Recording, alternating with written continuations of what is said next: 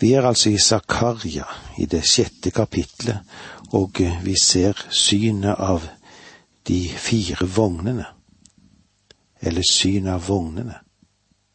Dette er et syn som taler om beskyttelse og om utfrielse. Fire vogner dukker opp mellom fjellene rundt Jerusalem. Og hestenes farger, de symboliserer oppdraget som kuskene skulle forkynne for folket. Legg òg merke til hendelsen som er et forbilde på foreningen av prestedømme og kongeverdigheten i Jesu person. I vers én leser vi slik. Så løftet jeg øynene igjen og fikk se fire vogner som kom fram mellom to fjell, og fjellene var av kobber. Så løftet jeg øynene igjen og fikk se. Det understreker igjen at han var ved full bevissthet. Zakaria var våken. Han så ting, dette var ingen drøm. To fjell, og fjellene var av kobber. De fleste fortolker er enige om at disse to fjellene er Sionfjellet og Oljeberget, noe som plasserer disse fire vognene i Kedrondalen. Jeg fikk se fire vogner. Vi må anta at det var hester forspent for vognene, og at det var noe som før, noen som førte disse vognene og når vi leser videre, så vil vi se at det er sant. Disse fire vognene kan tolkes som å representere de fire store verdensrikene som Daniel så i sitt syn. Alle var hedenske verdensriker. Alle var dømt av Gud. Den delen av Daniels syn er bokstavelig talt fullbyrdet. Disse fire vognene kunne enkelt representere dem. Men jeg er tilbøyelig til å føre disse vognene sammen med synet Johannes så i åpenbaringsboken, slik som vi ser det der, og dermed dette òg tale om fremtiden. Faktisk er det slik at åpenbaringen seks åpner med Johannes sitt syn på den store trengselen, ved å presentere oss for fire vesener og det er en slående sammenheng mellom dem og Zakarias syn med de fire vognene. I kapittel fem har vi møtt synet som går på dom, primært da med henvisning til israelsfolket. Men her i det sjette kapitlet vender Guds dom seg mot de hedenske folkeslag som har undertrykket Guds folk. Og dette forteller ikke bare om den dom i fortiden, men også en dom i fremtiden, som ser ut til å komme under den store trengselstiden. Og fjellene var av kobber. Kobber eller bronse var kjent tidlig i historien. Vi kan gå tilbake i historien til den eldste steinalder og den nyere steinalder tilbake til den neolittiske og palolittiske perioder. Det er overraskende at vi møter bronse helt i begynnelsen av den kjente sivilisasjonen. Symbolsk blir kobber brukt i Det gamle testamentet for å representere dom. Det var ett av de metaller som ble brukt i tabernaklet, i to gjenstander som ble brukt som dom over synd. Kobberalteret var laget av bronse som også tvettekar var. Begge disse gjenstandene sto i forgården i tabernaklet, og begge hadde å gjøre med dommen over folkets synd. Siden fjellene i dette synet er kobberfjell, så skulle det tilsi at disse fjellene taler om dom. Dommen kommer fra Gud i Kedrondalen det er fire domsforhold som rulles opp for oss, og de blir illustrert her som fire vogner. Versene to og tre. For den første vognen var det røde hester, for den andre vognen var det svarte hester. For den tredje vognen var det hvite hester, og for den fjerde vognen var det flekkete røde hester. Fargene på disse hestene er betydningsfulle. Vi har her de samme fargene på de fire ridende vesener i åpenbaringen seks. Jeg tror ikke at det var tilfeldig at Zakaria her i et syn fikk se de fire vogner, og Johannes har fire vesener. Det er grunn til å tro at de taler om de samme hendelsene. Den røde hesten i Johannes' syn representerer krig. Den sorte hesten representerer sult. Og den blakke hesten er et bilde på døden.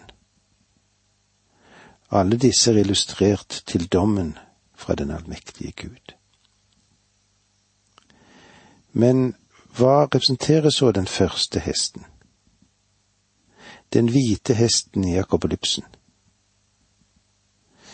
Det er hvite hester her hos Zakaria også, som antagelig symboliserer seier. Men i Johannes sitt syn blir den hvite hesten straks etterfulgt av krig med den røde hest.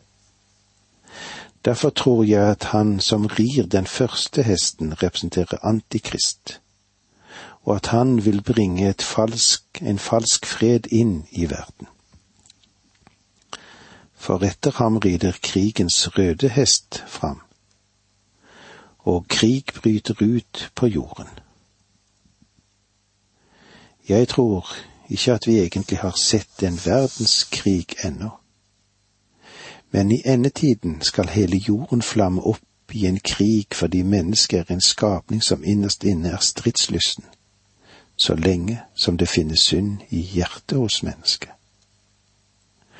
Og når den røde rytteren rider over jorden, og jeg sier det med respekt, da vil helvete bryte løs. Det synes for meg som at ingen i dag understreker hvor fryktelig den store trengsel kommer til å bli, ja, når den bryter ut og blir løs på jorden. Men altså, den symboliseres her gjennom rytteren på den røde hest, som varsler krig. De flekkete røde hester i Zakarias syn hadde kanskje vært bedre om det hadde blitt oversatt med droplet som korresponderer med de gulbleike hestene som vi ser i åpenbaringen. Dette tiende synet ble gitt Zakaria som en oppmuntring til folket, så du skulle vite at Gud ville dømme hedningefolk like så vel som sitt eget folk. Versene fire og fem. Da tok jeg til orde og spurte engelen som talte med meg, hva betyr disse herre?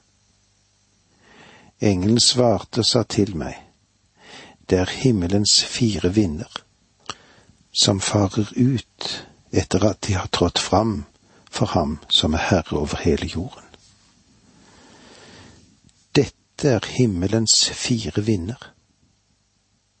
Disse vinner er åpenbart engler slik at de fire vognene er englevesener eller himmelske makter som står for hans åsyn. Lytte til ordene fra hans røst, og så i villig lydighet går hurtig som vinner for å utføre det han har befalt. Med andre ord er englene utøvende når det gjelder den dom som vil komme.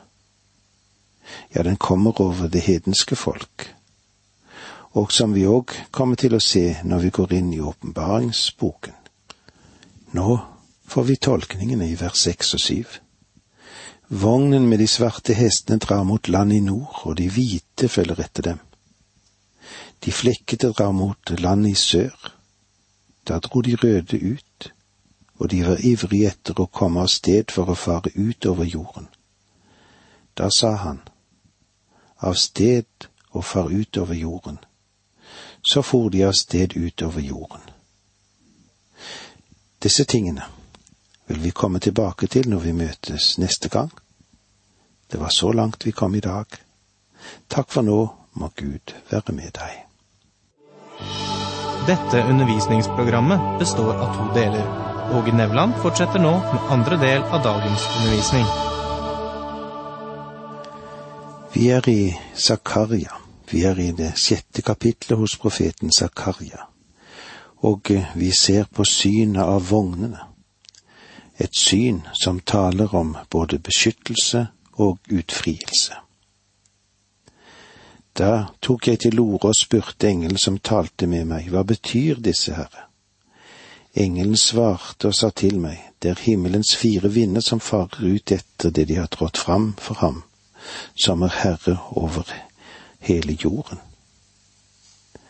Vi vil se hva som nå vil komme. Og vi får eh, tolkningen i vers seks og syv i kapittel seks. Vognen med de svarte hestene drar mot land i nord, og de hvite følger etter dem. De flekkete drar mot land i sør, da dro de røde ut, og de var ivrige etter å komme av sted for å fare ut over jorden. Da sa han, av sted og far ut over jorden. Så for de av sted ut over jorden. De sorte og hvite hestene drar nordover i landet. De droplete eller flekkete, de drar mot syd. Vers åtte. Da ropte han til meg, se, de, de som drar mot land i nord, skal la min ånd finne ro i landet der nord. Legg merke til at ingen av disse hestene drar mot vest. Det ville føre dem ut over Middelhavet. Og det er heller ingen av hestene som drar østover i den arabiske ørkenen. De går mot nord og mot syd, som er veien en vil dra fra Israel til det vestlige eller andre områder i verden. Og de retninger som er angitt, betyr ganske enkelt at de drar ut fra Israel over hele jorden. Det sies at de sorte og hvite hestene drar nordover. Personlig så kan en ha en følelse av at dommen under den store trengselstid begynner i Russland, som strømmer inn over Israel. Derfor går dommen først til kongen i nord, til Gog og Magog i nord. Dommen vil også føre sydover mot Egypt. Men hvilken vei disse hestene rider, er ikke hovedtanken her. I åpenbaringen får vi en serie av hendelser under den store trengselsperioden. Den ene følger etter den andre. Den ene krisen etterfølges av den andre. Når den hvite hesten rider frem, vil han føre med seg seier som vil danne grunnlaget for en falsk fred på jorden. Verden vil tro at en nå går inn i tusenårsriket, mens en egentlig går inn i den store trengselen. Umiddelbart etter den hvite hesten følger krigens røde hest. Krig bryter ut over hele jorden, fulgt av den sorte hesten som er hungeren. Hungerkatastrofer følger generelt krigen, noe også pesten og døden gjør. Og det er symbolisert gjennom den fjerde, den gulbleike hesten. I kontrast til dette kan vi se at synet med de fire vognene ble gitt til Zakaria, der rekkefølgen ikke er det viktigste. Men her ligger vekten først og fremst på det faktum at Gud har til hensikt å dømme alle folkeslag på jorden. Og de fire vognene representerer disse dommer. Alle vil finne sted under den store trengsel. Dette avslutter de ti synene som Zakaria fikk. Vi vil nå gå over og se på en symbolsk kroning av Josva. Men før vi gjør det, leser vi sammen versene 9 til 15 her i kapittel 6 i Zakaria. Herrens ord kom til meg, og det lød så. Ta imot gaver fra de langflyktige fra Heldei, Tobia Jedaja, og gå på denne dagen inn i huset til Josia, Sefanias sønn, dit de er kommet fra Babylonia. Du skal ta imot sølv og gull og lage kroner. Så skal du krone øverste presten Josva, Jehodaksas sønn, og si til ham, Så sier Herren allers Gud, se, det kommer en mann, hans navn er Spire. Under ham skal det spire og gro. Han skal bygge Herrens tempel. Ja, han skal bygge Herrens tempel. Han skal vinne ære og makt. På sin trone skal han sitte og herske. Ved hans trone skal det være en prest, og mellom dem skal det råde fred. Kronene skal være i Herrens tempel til minne om Helem, Tobia, Jedaja og Hen, Sefanyas sønn. Folk skal komme fra fjerne land og være med på å bygge Herrens tempel. Da skal dere sanne at Herren Allahs Gud har sendt meg til dere. Dette skal skje hvis dere adlyder ordet fra Herren deres Gud.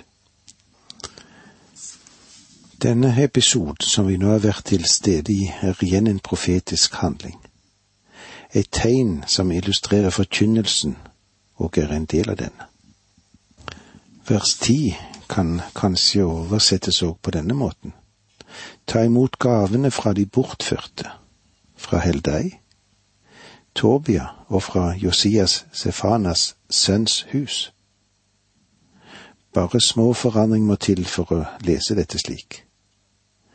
Navnet Heldei er i vers 14 gjengitt hele. Litt rart er det bare i ett tilfelle oppgis farsnavnet, Josias, Sefanias sønn. I de eldste oversettelsene, Septuagintia, er det for øvrig bare dette navnet som betraktes som egen, egennavn.